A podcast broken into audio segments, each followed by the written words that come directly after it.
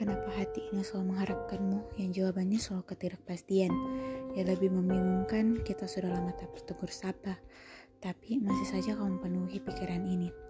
Kuharap kamu bahagia walaupun tak bersamaku. Kuharap kamu mendapatkan perempuan idamanmu yang pastinya bukan diriku lagi. Cinta tak harus memiliki, tapi rasanya ada yang aneh, seunik itu dirimu.